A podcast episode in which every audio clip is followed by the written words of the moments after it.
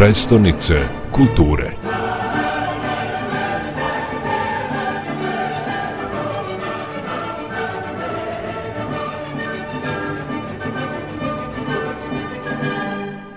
Ova godina je veoma značajna za biblioteku jer se obeležava i 60 godina manifestacije Disovo proleće. E, kako će izgledati program u ovoj godini nacionalne predstavnice kulture?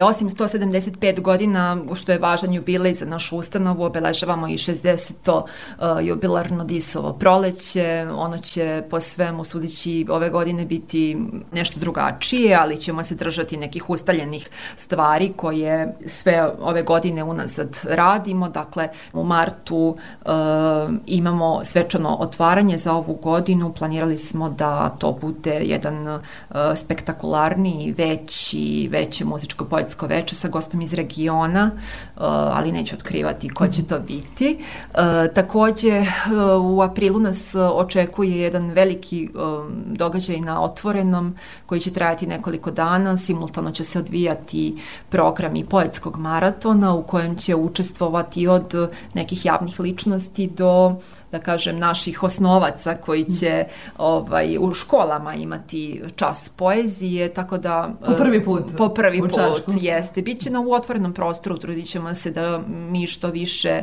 izađemo iz uh, ovih zidova i da uđemo u, eto, narod uh, poezijom i mislim da će to biti vrlo atraktivan program i vrlo zahtevan za organizaciju. Zapravo treba nekoliko stage-eva u isto vreme ovaj, uskladiti gde se čita i poezija za decu i poezija ljubavna i za, ne znam, misaona i tako dalje i e, planiramo i gostovanje e, mladih pesnika koji su sada naši najznačajniji mladi pesnici koji su kod nas objavili svoju prvu knjigu poezije sve, recimo, poslednjih desetak godina, to su naši od e, Alekse Krstića, koji je prošlogodišnji dobitnik, laureat Mladog Disa, pa svih onih prethodnih, verujemo da ćemo održati jedan veoma uspeli program.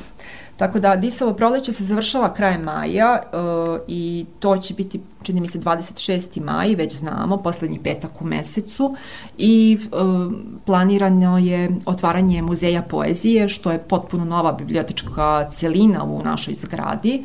Uh, muzej poezije okuplja se oko poezije, ali ne samo ne samo od isovih laureata, niti srpske poezije, nego poezije generalno u izradi aplikacija muzeja poezije i e, planiramo da pozovemo sve žive laureate da tog dana budu u Čačku i da prisustvuju tom događaju.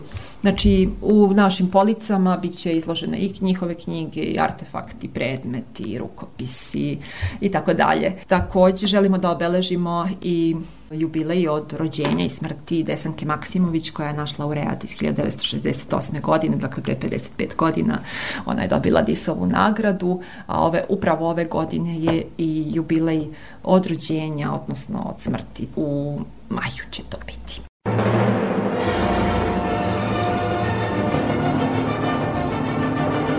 Prestonice kulture.